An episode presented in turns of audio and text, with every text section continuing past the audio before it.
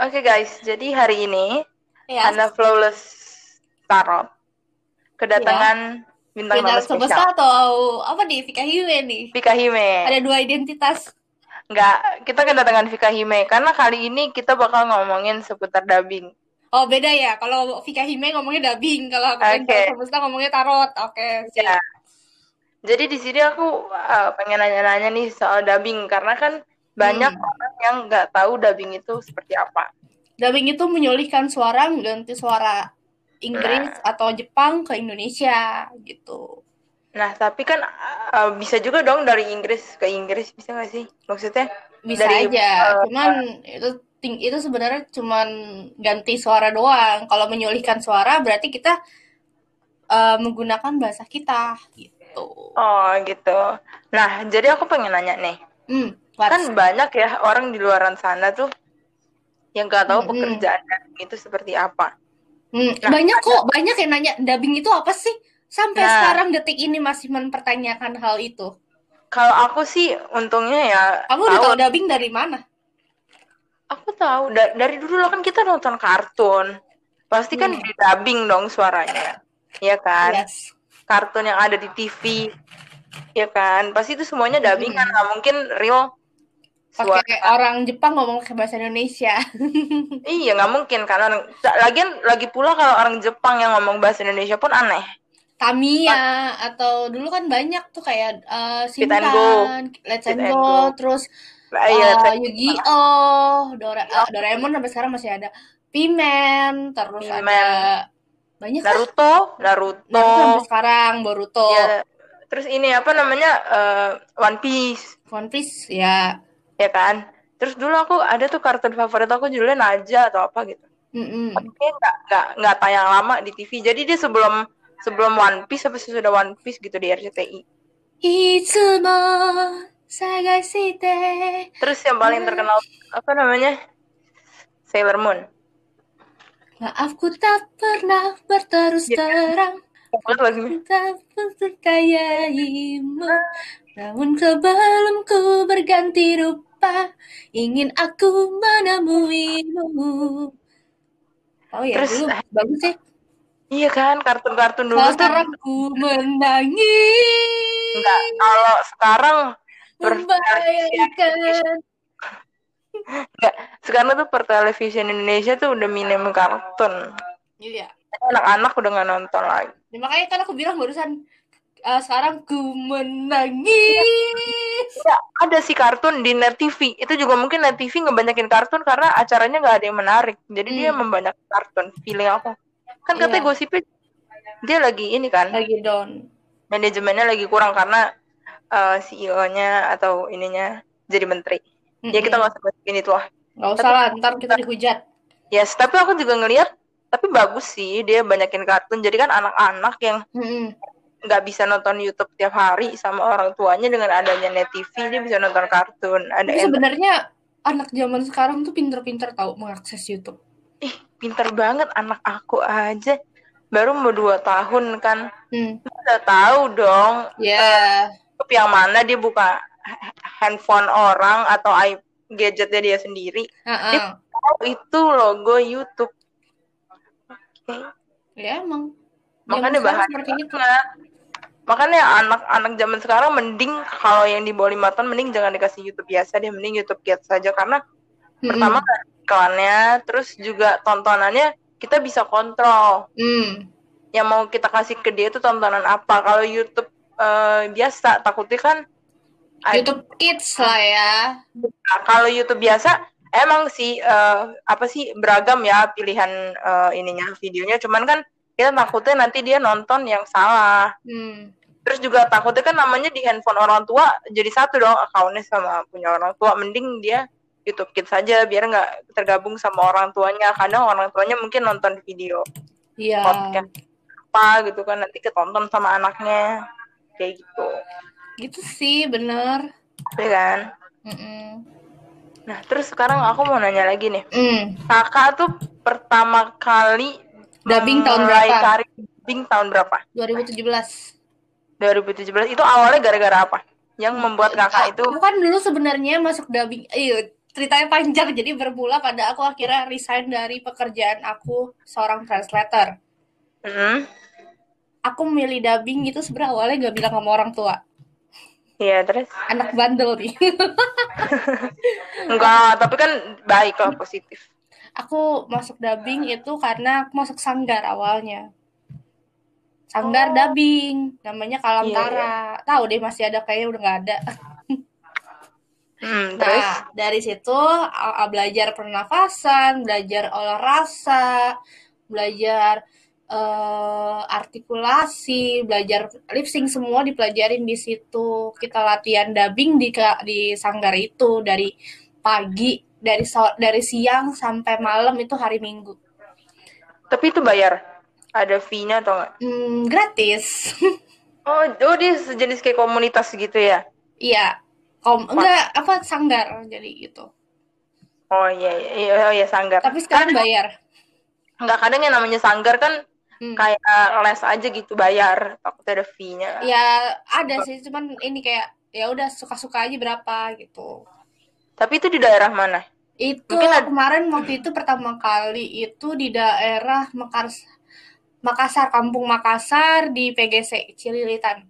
Oh, nah ini buat yang pengen tahu kali kan soal dubbing, nah mungkin bisa kepoin Tapi cari-cari. sanggarnya ke- udah gak ada.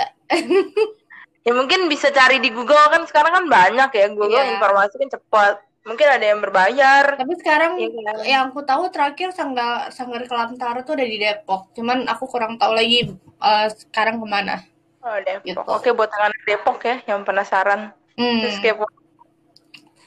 Apalagi nih terus habis itu kan akhirnya aku kan agak berantem ya sama orang tua karena mungkin orang tua aku nggak setuju dan apa sih dubbing ngapain sih yo ikut ikutan begituan gitu kan Pasti. nah apalagi aku meninggalkan job yang emang udah ada namanya gitu kan Iya yang udah istilahnya menghasil bener-bener ini ada duitnya loh. Hmm. Kan belum dubbing kan nggak jelas gitu Yes. tapi aku aku berproses aku terus menjalankan aja akhirnya aku masuk job pertamaku tuh dubbing buat audiobook kalau nggak eh audiobook buat audio apa gitu. Pokoknya ada di YouTube ya. Ada di YouTube. Aku lupa namanya apa tapi itu di YouTube. Itu udah tiga tahun lalu. Nah aku udah aku tuh seneng pas selalu kali dapet. Wah lumayan nih sekitar eh, aku sebutin aja nggak apa-apa ya. Ya, Kita- nom- ya, apa sih uangnya? satu karakter aku Digit, eh, iya digit digit aja ya. lah, nggak usah nggak usah ini. 700 gitu. Itu satu. ya udah udah amat lah. Nah terus akhirnya seneng nih. Ya ini job pertama aku dubbing. Nah akhirnya eh berapa berapa hari eh berapa selang kemudian aku kan masih belajar terus sanggar itu kan. Iya, iya. akhirnya aku main-main ke studio di di apa diajakin sama teman-teman dubbing. Terus kita disuruh workshop gitu ke salah satu studio. Nah situ aku ter, eh, aku disuruh nulis naruh sampel voice di salah satu studio di Jakarta. Hmm. akhirnya aku taruh sampel ya udah situ. Ternyata aku dipanggil buat isi cameo cameo selingan crowded orang-orang lewat gitu. Dari Bagus situ, dari situ beranjak. Akhirnya aku ternyata ada yang suka sama suaraku. Terus aku Ah. masuk MNC jadi voice over di MNC Kids. Judulnya Sehat You. Itu harga eh, per bulan dapat eh per tiga bulan itu berapa episode ya? Tiga atau empat episode itu dapat empat sampai lima. Oh, Oke, Iya. menarik. terus ya udah akhirnya setelah putus kontrak dari MNC udah kelar akhirnya aku main ke MD Entertainment dari Oke, situ aku Hmm. di MD aku main lorong waktu animasi Oh. terus aku main tendangan halilintar yang kabarnya itu eh, batal tayang Gara-gara apa? aku Corona. kurang tahu batal tayang batal produksi kayaknya Mungkin ini kali ya keuangannya atau something. Kalau bikin tahu animasi maksud- kan tahu apa gede aku kan. di situ dapat tiga karakter jadi per bulan aja dapat eh, 1,2 gitu Padahal lumayan ya. Cuman baca naskahnya beberapa karakter doang. Ya lumayan sih. Gitu. Ya lumayan banget kalau aku bilang mah. Mm-mm. Habis itu akhirnya apa ya? Aku lupa ya awal-awal karir dubbing tuh. Terus Iya. akhirnya aku ditawarin mantan pacar aku suruh suruh kerja di studionya dia gitu. Oke.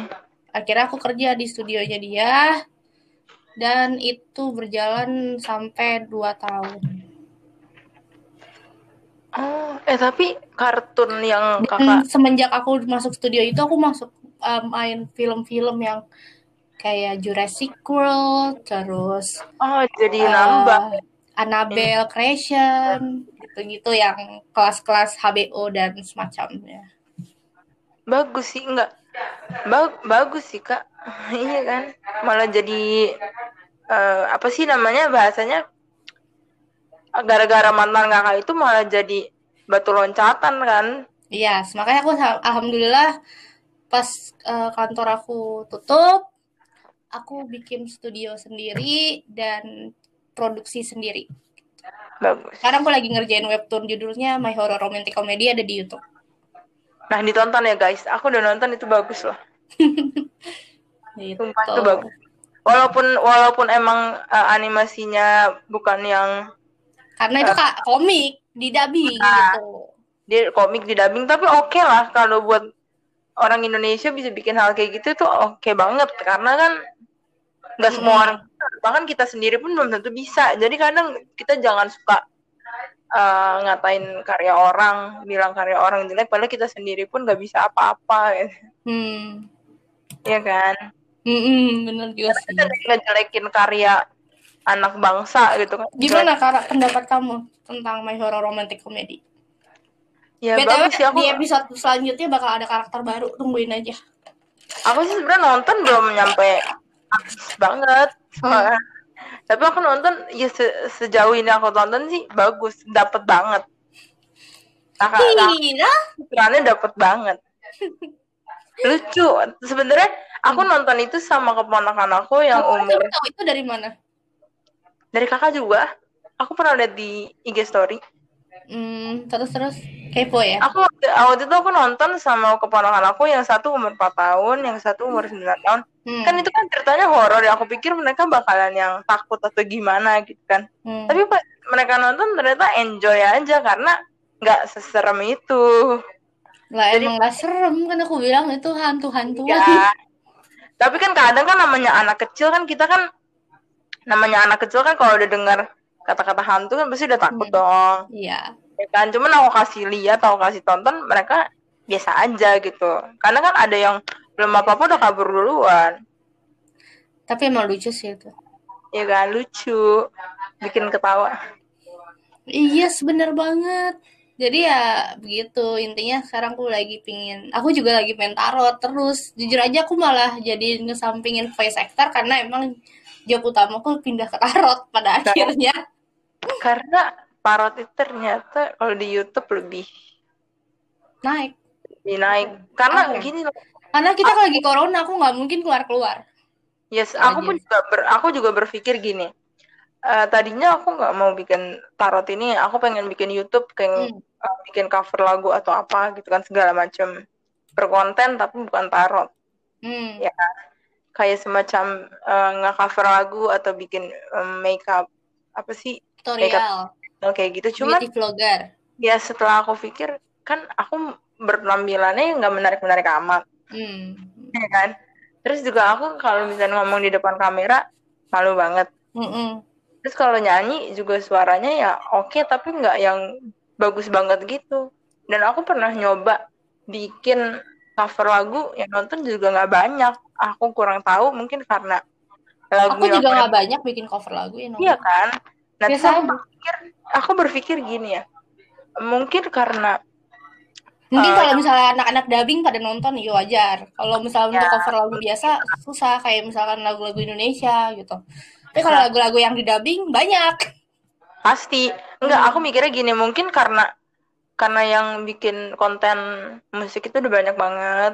Jadi saingannya juga pasti susah. Konten musik sekarang kan udah dibatasi sama copyright. Ya, nah terus makanya sekarang pas pindah haluan, kayaknya emang lebih lumayan bacain itu ya. Karena Indonesia demen mistis, aku bilang sama kakak aku semalam. Aku Bener. bikin podcast sama kakak aku semalam. Aku Hmm. bilang Indonesia tuh butuh eh, lebih suka hal-hal yang nggak di- bisa dicerna mereka gitu. Kalau misalkan hal-hal kayak eh, yang udah ter- udah ada detail faktanya tuh mereka malah nggak suka. Hah?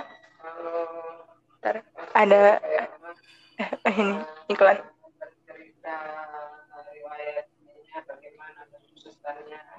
Heeh.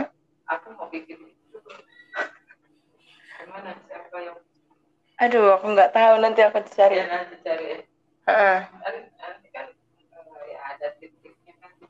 Ah, ya oke.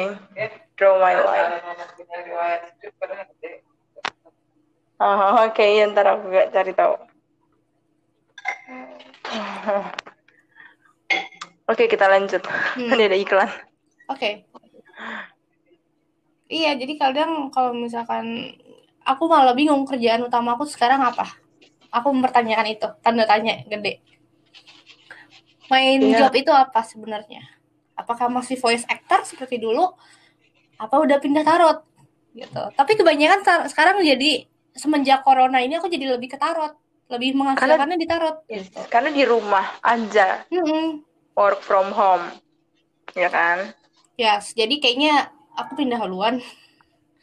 Tapi kita nggak tahu setelah nanti corona sudah tidak ada, kita tidak tahu kehidupan kita seperti apa. Iya, kadang kan ya udah biarin aja, dijalanin aja dulu, dinikmati Jalanin perjalanan aja, prosesnya, gitu. Itu sih. Nah, aku, aku mau nanya lagi nih, kakak pernah nggak sih dapat peran Nenek-nenek, aneh banget? ah, Yang aneh banget lah, istilahnya tuh bukan bukan aku bukan banget. suara aku. Aku pernah jadi robot, pernah. Jadi nenek-nenek, pernah. Hah? Jadi eh anak 10 tahun pernah cowok. yang paling konyol menurut kakak yang paling aneh banget deh. Em, jadi itu, jadi dinosaurus kecil. Dinosaurus, suaranya gimana? Suaranya pakai suara seperti ini. Oh my god, kayak suara Doraemon. Bukanlah, beda Tapi sekali. Iya sih, tapi tapi pernah nggak sih kakak dap eh, apa pernah nggak sih Hmm. kakak tuh pengen banget suatu peran tapi ternyata bukan kakak yang dapetin kayak Aku udah pernah berharap banget Pernah ikut casting di salah Sampai satu nangis. studio. Itu aku lagi pingin banget karakter yang apa ya? Ada salah satu karakter yang mungkin eh kalian tahu lah, Nobita. oke Itu kemarin sempat beberapa kali emang lagi ada cari regenerasi buat Nobita kan. iya iya iya Karena mungkin Doraemon kan emang udah udah banyak udah banyak yang harus regenerasi setiap tahun itu. iya pastilah suaraku itu sebenarnya cocok jadi Nobita. tapi kenapa Emang- Doraemon, aku kan ingin menjadi Nobita. tapi mungkin karena Karena kurang mungkin suaraku lebih light, sedangkan Nobi, Nobita lebih deep ah iya benar benar gitu. Karena aku lebih cocok buat memerankan kayak ya Barbie gitu-gitu. iya karena karena kita juga eh, karena kakak aslinya suaranya lebih kalem mungkin kalau Nobita harus suara yang agak ngebas gitu ya Mungkin lebih cocok aku harusnya castingnya di Shizuka.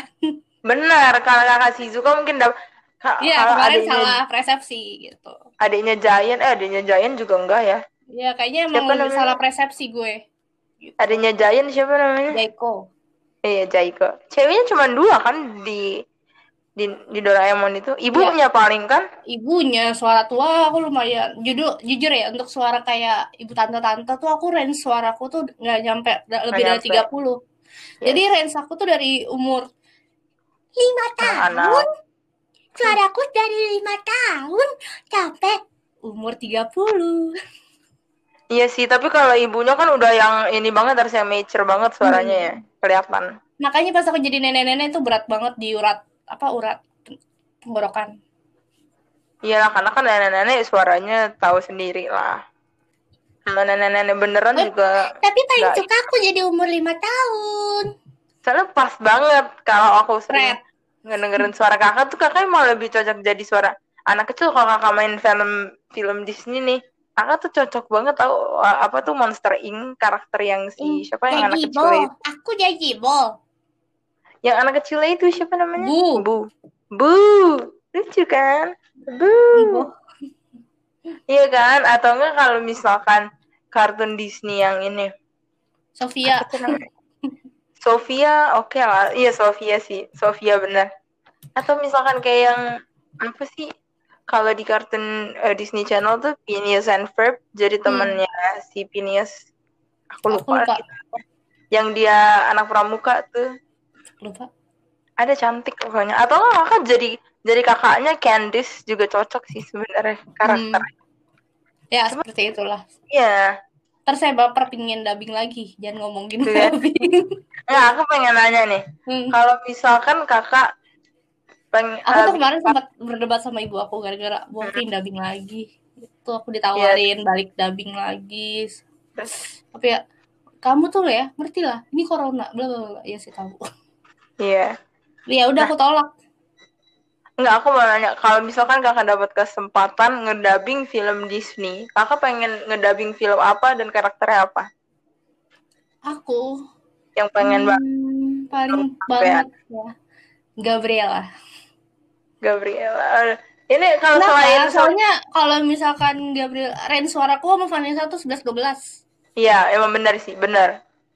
Jadi Karena Hmm? gitu jadinya lebih pingin aja karena range suaraku sama Vanessa Hudgens tuh 11 12 gitu. Vanessa kan bukan suara yang eh, tinggi banget, enggak, rendah banget juga enggak. Hmm, Maksudnya ya Ya kan? 11 12 dari segi su- dari segi suara juga 11 12 gitu. Tapi kalau kakak dapat Ash- Ashley Tisdale juga oke lah suaranya. Dia lebih tinggi setengah. Tapi dia agak cempreng ya suaranya. Ya, dan aku Iya kayak kan? kurang kempreng gitu. Iya sih benar. Co- Terus ka- kalau kartun, kalau itu kan film. Kalau kartun, Kartun. Hmm, Ya. aku jujur boleh gak? Aku mau jadi Wendy. Wendy. Soalnya oh, cinta pertamaku itu Peter Pan. oh, Wendy, aku tahu. Eh, oh iya benar-benar benar. Ih, kalau aku pengen jadi Tinkerbell-nya. Cinta pertamaku tuh Peter Pan. Jadi tuh waktu ingat banget. Jadi dulu tuh aku waktu TK suka Iya. sama Peter Pan. Sampai sahabat aku, temen sebangku aku, aku bilang dia tuh Peter Pan. Oh my god. Tapi Sampai aku beliin baju Peter Pan tau gak? terus kapelan gitu. Iya, kocak banget sampai sekarang tau gak dia ke mana? Gak ada Sumpah aku aku juga suka aku juga suka Peter Pan sih, cuman aku lebih suka Tinkerbell-nya. Udah itu aja. Kenapa aku bilang aku pingin jadi Wendy? Ya karena emang dia cinta pertama aku itu Peter, Peter Pan gak ada duanya. Kalau jadi Itu Wendy kan- sih kakak pas sih cocok. Tapi Cocok. kayaknya Sama aku Peter Pan. Bukan tapi kalau pikiran yang Snow White. Terus enggak kalau Snow White enggak deh. Ter- Terlalu berat kalau Snow White enggak sih suaranya. enggak Snow White malah light banget. Sleeping Beauty yang berat. Hmm. Sama Cinderella. Cinderella, Cinderella. Aku sih eh, ini kakak pernah tau eh, ini nggak Princess and the Frog? Eh, tahu ya, nah? Iya kan? Nah itu Aku juga lebih suka Megara. Sorry. Mega Megara Megara yang mana? Nana, Nana, I won't say I'm in love. Itu kartun apa ya? Hercules. Oh oh ya Hercules terus ada juga deh eh, Princess Notre yang Dame. ini. Notre Dame. Nah Notre Dame itu juga lumayan ya tapi kayaknya itu jarang ada yang tahu deh kalau anak Iya. zaman sekarang kan Princess tahunya cuma Belle, Elsa. Elsa. Anna. tuh? Mulan. Ariel. Kalau kalau kayak Princess eh, yang eh, apa Hunchback Notre, Notre Dame, aku lupa lah judulnya gitu kan. Yes, itu juga ja- eh, kayak jarang. Terus Princess the juga jarang. iya Princess and the Frog juga jarang yang nonton deh kayaknya. Karena mungkin rasis ya. It's about kulit kali ya. Tapi tapi yang aku tahu ya aku baca info, setahu aku itu Princess and the Frog itu film Disney yang dua dimensi terakhir deh kayaknya. Setelah itu kan selebihnya tuh kartunnya gambarnya udah nggak 2D lagi kan, kayak Moana gambarnya udah lebih bagus dong. Paling pertama kalau Disney itu yang udah beda dari eh, itu pertama mula itu Tangled. Mandy Moore. Iya, Tangled Man- udah beda banget kan. Mandy Padahal Moore. Tang padahal Tangled sama Princess and the Frog itu kayaknya duluan Tangled deh. Tangled emang. Tapi Princess and the Frog tuh setelah muncul dia gambarnya nggak nggak nggak nggak 3D gitu, masih kayak zaman dulu gitu. Itu emang dulu, zaman dulu kan kita lihat Princess Enggak ah, Princess and the Frog itu bukannya 2000 berapa gitu kan? Coba kita cek. Aku juga lupa lupa inget. 2009. Tangled itu 2011. 2010, sorry. Gitu. Oke? Eh, enggak, eh, itu 2009 ya? Iya. Princess and the Frog. Heeh. Berarti masih baru. Masih baru sih. Banget masih, dong. dua- Masih 10 tahun yang lalu. Ya kan, masih tahun 2000-an. Aku aku pas nonton filmnya juga pertama kok eh, masih eh, kayak kartun Snow Baru. White. Padahal kartun baru gitu kan. Kalau Tangled Hmm. juga 2009 ya. Eh, 2010 dia. Makanya Nah, kayak oh iya, cuma beda pantes. setahun doang. Iya benar. Pas pas pas udah Tangled gambarnya jadi lebih bagus, Mm-mm. lebih 3D kan. Mungkin itu Tangled yang merubah eh, sejarah Disney yes. sebenarnya. Yes. Itu Princess and the Frog itu paling terakhir ya Oh iya, aku satu lagi aku pingin jadi Jessie di Toy Story. Pokoknya. Ah iya Jessie. Aku kalau Toy Story tuh aku suka banget Buzz Lightyear. When somebody loved me, everything was beautiful. Oh itu itu Every hour we spent together lives within my heart. Itu kan lagu viral banget di TikTok. emang. And when she Aku baru was nyadar lagi. I was there to dry her tears. And when she was happy, so was I. When she loves me. Mereka tuh salah. Mereka baru tahu lagu itu sekarang. Kalau aku Iya, dari benar, zaman benar. dulu. Ya dari zaman kita masih kecil aku nonton. Toy Story aja Itu kan juga di cover pas lagunya. Bukan Apa? versi aslinya yang di TikTok. Emang bukan. Suaranya aku tahu kok. Itu suara beda. Mm-mm. Semuanya tuh lagu TikTok viralnya itu karena coveran orang, bukan karena suara asli penyanyinya. Kayak yang lagi viral sekarang lagu Korea aja. Pas Hmm. aku tonton, kayaknya ini gue tahu deh. Eh, Hmm. kok tapi nyanyi cewek gitu kan. Pas aku cari lagi di Google, "Eh, ini mah eh, soundtracknya Boys Before Flower gitu kan ya. Hmm. Nah, ya, Allah TikTok tuh sekarang udah jadi apa-apa lagu viralnya gara-gara TikTok. Apa-apa TikTok. Iya, Karena jadi gitu lah. kan. Karena orang yang yang benci sama TikTok jadi benci sama tuh lagu. Ah, males ah gue dengerin tuh lagu gara-gara TikTok. Makanya. Iya kan? Terus sekarang juga ada tuh lagu yang lagi viral banget judulnya ah, Mad at Disney ya. Hmm. Aku sih nggak ngerti sih Lagu lagunya apa cuman ada judulnya uh, Mad at Disney artinya tuh marah kepada Disney. Astagfirullah. Iya, jadi di- sama Disney, dia Di, marah sama iya, di liriknya tuh jadi katanya "Ah, aku uh, ben- marah sama Disney karena dia tuh nyuruh kita untuk satu hal yang gak penting yaitu Hmm. apa tuh wishing on the shooting star ya apa sih bahasa Indonesianya One step and start to the right. Uh, apa sih berharap kayak berdoa Berharap pada kepada bintang bintang jatuh nah itu kayaknya sesuatu hal yang kalau di kehidupan nyata nggak banget tapi kenapa Disney nyuruh kita kayak gitu Biar kita nggak nggak pernah menyerah dalam keadaan. yes sebenarnya Disney Sebenarnya itu bagus, itu maksudnya bagus. Bagus. Cuman orang banyak salah mengartikan. Ya. Nah, sebenarnya Disney tuh sebenarnya tuh bagus tahu buat anak-anak gitu kan. Karena anak-anak itu kan lebih lebih harus kita mengontrol. Kalau misalkan aku dari seorang seni ya, aku kan jatuhnya seniman. iya pasti. kalau dari orang seniman itu melihat itu itu buat perkembangan mental anak psikologi Iya. anak gitu loh Iya. Biar anak bisa bisa berimajinasi kan. Iya karena Namanya karena dari situ akan ditumbuhkan rasa percaya diri dan semacamnya kreativitas kreativitas gitu. Eh tapi bener sih kalau anak kan? yang enggak Iya, tapi anak yang nggak nonton Disney sama yang nonton Disney pasti beda. Iya kan? Karena Hmm. kartun Disney itu pasti ada pesan moralnya, nggak nggak cuma sekedar kartun doang. itu dia Ya kan itu itu tapi kartunnya film ya kalau Disney Channel atau Disney eh, Junior sih aku nggak tahu. Karena aku nggak nggak ngikutin banget. Paling kalau Disney Channel favorite aku cuma Phineas and Ferb. Karena Hmm. zamannya masih ada ya. Kalau zaman Hmm. sekarang kartunnya udah banyak kan. Anak kecil kayak PJ Masks, Paw Patrol. Anak aku kan nontonnya kayak gitu kan. Dan Hmm. bahkan saingannya aja Nickelodeon sekarang udah ada Nickelodeon Junior. Tuh kan Disney Junior juga dulu ada Sum Sum ada sekarang ada masih ada sampai Sum sekarang. Sum Semsom terus paling yang anak aku suka tuh Disney Club Playhouse. Hai. Mickey Mouse. Terus apa lagi? Paling Winnie the Pooh ya sih? Iya Winnie the Pooh terus ya aku suka banget. Piglet dulu aku aku suka Piglet. Hmm, aku dulu punya bonekanya gede ya kan? Powerpuff Girl ih Powerpuff Oh, Girl Powerpuff. Girl aku bukan bukan bukan itu bukan Disney bukan itu Cartoon Network maaf pak ya itu Cartoon Network sorry tapi tapi tapi aku juga grow up sama kartun-kartun tapi kalau Cartoon Network kadang-kadang aku nggak suka sama kartunnya kadang-kadang yang agak berlebihan berlebihan terus ter- kadang-kadang tuh kartunnya itu hmm. suka nggak ngedidik aja gitu loh kan ini kan Ah, iya, iya, iya. kartun anak-anak tapi kok kayak ada agak gambarnya agak gimana gitu kan. Ya I know. Ah, ya, ada ya, I know. adegan yang menjijikannya kayak muntah atau apa. Kan anak kecil kan nggak mungkin bahkan nonton ada yang gitu kan. seksual sekarang. Tapi kalau di Disney eh, Junior atau Disney Channel pun kadang ada sih yang kayak dia cium pipi atau apa. Itu masih wajar sih. Tapi kan kalau di luar negeri mungkin masih wajar. Tapi kan bagi kita kan enggak juga. Hmm. Iya sekarang sih. udah ada tapi nggak banyak. Tapi kalau Cartoon Network sih aku nggak nggak suka.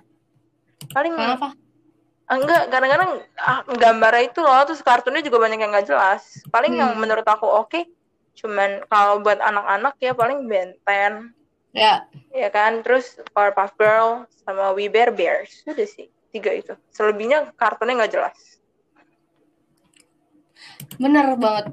Itu terus sih. jadi ngomongin kartun sih aduh. Karena rin- karena emang pantas rindu untuk di iya aku kangen banget tolong dong yang dengerin ini yang punya TV di Indonesia banyakin kartun buat anak-anak. Biar nggak pada nonton YouTube. Nanti kalau TV anak-anak udah nggak nonton lo nggak punya duit. Nggak ada yang nonton ntar. Jangan jangan isinya lawakan-lawakan orang dewasa hipnotis hipnotis nggak jelas. Jangan settingan settingan kartun dong. Prank-prank. Iya kan? Sekarang TV isinya settingan. Yang ih aku benci banget. Tapi aku nggak mau nyebutin acaranya lah nanti aku dimarahin kan. Yang dia datengin orang, nanti ada ada ceweknya, ada cowoknya, terus cowoknya misalnya selingkuh, ntar ada lagi orang ketiganya tiba-tiba datang berantem lah di situ. Settingan banget. Dan aku mikirnya tuh oh, Eh, lo- katakan putus pasti. Ya sejenis itu. Masih ada sampai sekarang kan. Yang dulu tuh di SCTV ada juga.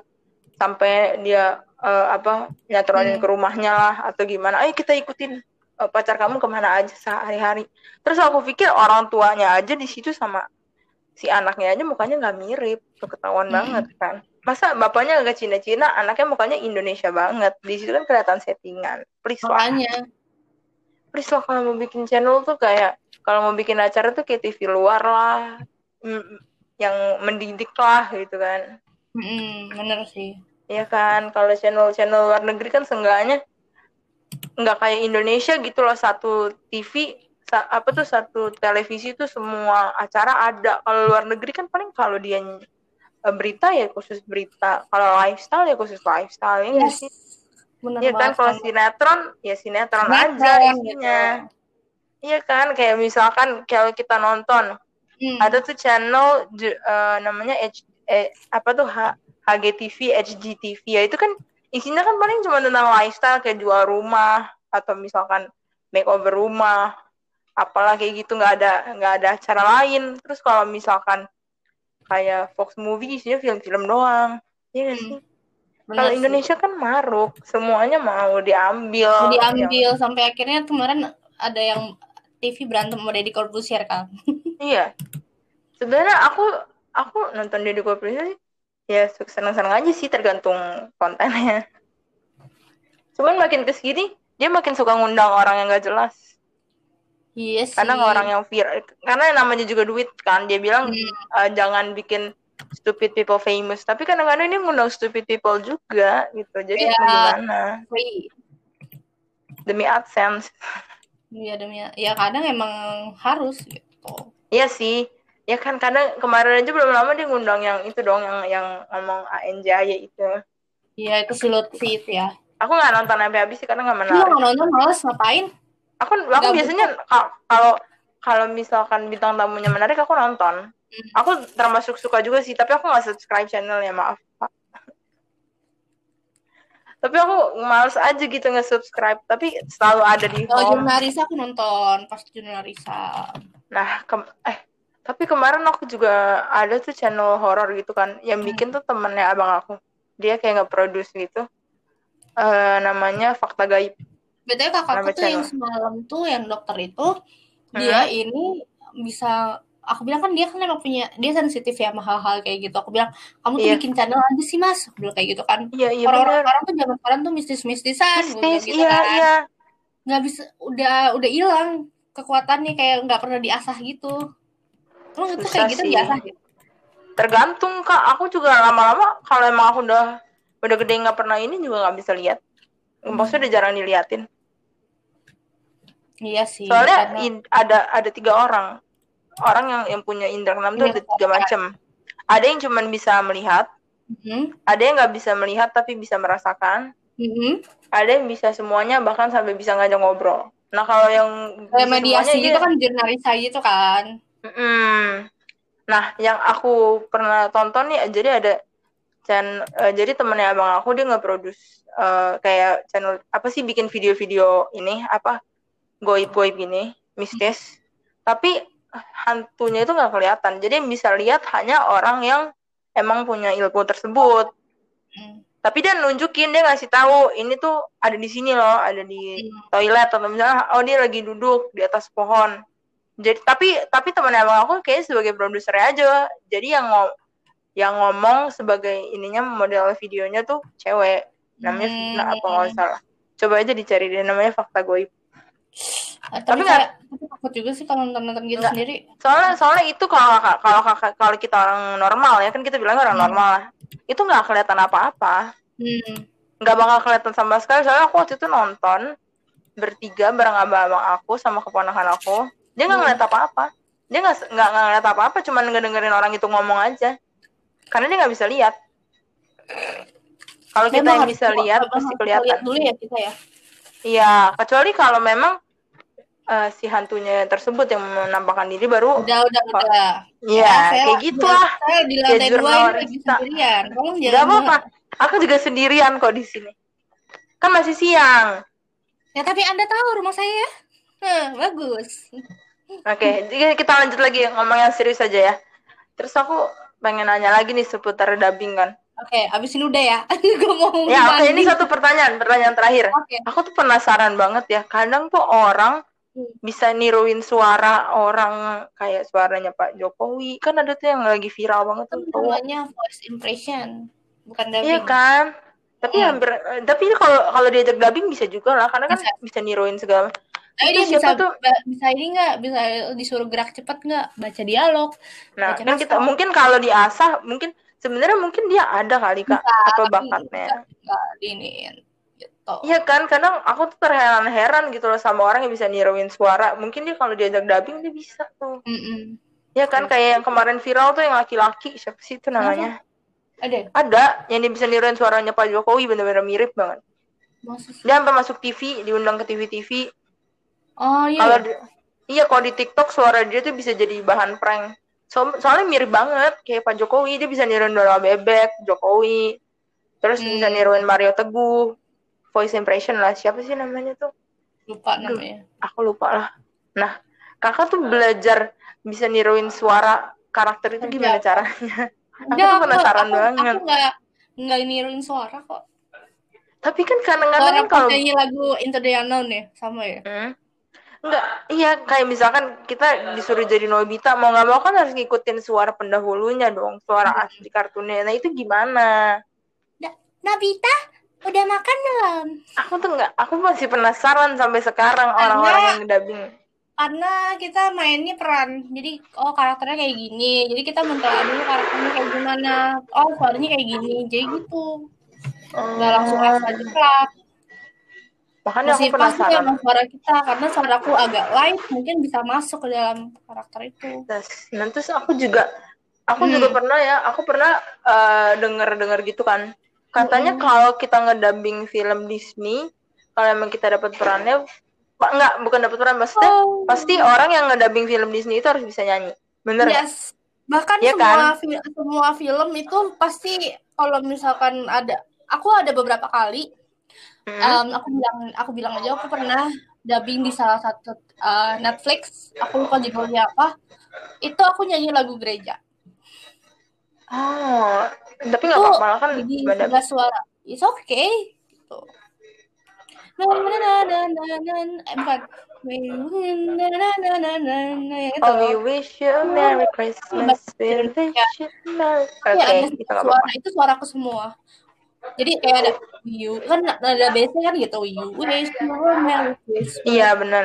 terus kita bikin we wish you a merry christmas gitu jadi ada sebelah suara Oh, gitu. Pantes. Jadi- Ma- Eh dabar itu harus banyak yang bisa nyanyi kalau nggak Iya. misalkan dar- dalam film satu film itu setidaknya ada empat orang yang bisa nyanyi gitu Eh, tapi kakak pernah nggak ngedubbing film action? Action terus Yes. Jurassic World Masuk Selain, ya kalau Jurassic kan nggak terlalu action banget ya, kayak pernah action sih yang... ada apa ya judulnya aku lupa itu buat HBO juga itu Actionnya tuh yang tembak-tembakan action. gitu Itu lah. action. pernah tapi aku lupa judulnya apa soalnya aku nggak tertarik sama film yang bosenin Ah, tapi selama ini yang paling banyak itu genre genrenya tuh apa? Yang paling Aku. banyak kakak dubbing? Ya. hmm movie sih orang karena aku Enggak, lebih kan- ke arah orang Enggak, kalau movie kan banyak juga ada yang romance, family atau Hmm, komedi. hmm. Nah, itu kira-kira yang kakak paling sering dubbing itu entah Horor, komedi, romance.